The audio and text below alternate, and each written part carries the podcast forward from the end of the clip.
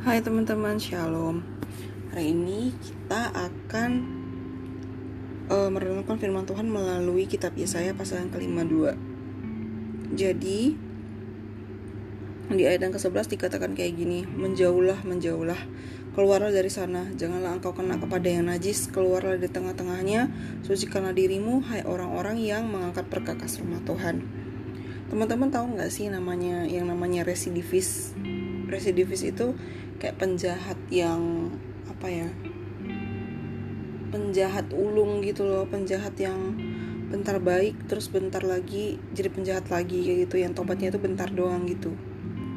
Jadi itu uh, istilah untuk residivis gitu ya. Jadi di, istilah untuk orang yang berkali-kali melakukan tindak kriminal dan masuk penjara gitu jadi kenapa orang itu bisa jadi residivis? Padahal kayak tiap kali ketangkep di penjara ya pasti mereka selalu kayak menyesali perbuatannya dong setelah itu. Tapi uh, gimana caranya mereka tuh udah bebas terus mereka kayak lupa lagi gitu. Uh, penderitaan di balik uh, jeruji ya.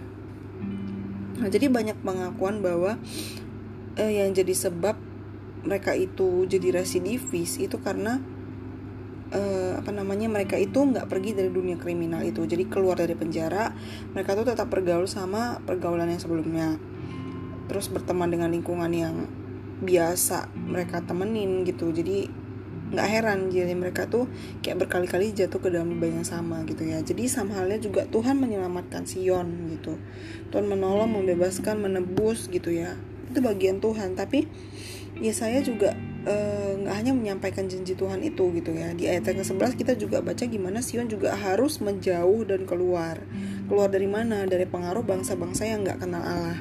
Nah jadi jangan sampai pertolongan Tuhan dan uh, pengampunan yang Tuhan kasih itu kayak jadi residi apa ya kita tanggapi itu jadi kayak hidup bagaikan residivis dosa gitu loh. Jadi kayak pendosa pendosa yang berulang-ulang gitu loh.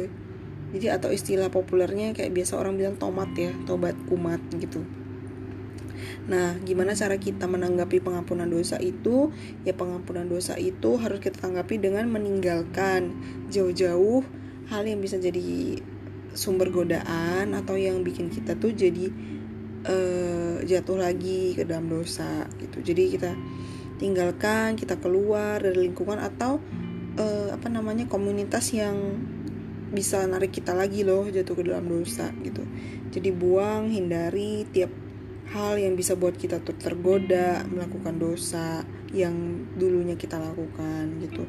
Jadi nggak sekedar kita minta keluar terus kita pergi tapi kita juga minta Tuhan lah ya yang menonton apa namanya menuntun kita ke tempat yang tepat gitu. Jadi ada dua hal yang harus kita ingat yaitu untuk melepaskan diri dari godaan dosa jauh jauhi dan keluar dari sumber godaan ya. Terus uh, juga yang kedua adalah bukan tapi bukan dengan kekuatan kita sendiri gitu tapi minta tuntunan Tuhan supaya kita bisa berada di tempat yang tepat komunitas yang tepat buat kita setelah kita diselamatkan kayak gitu teman-teman. Uh, renungan dari ya saya pasal yang ke 52 semoga memberkati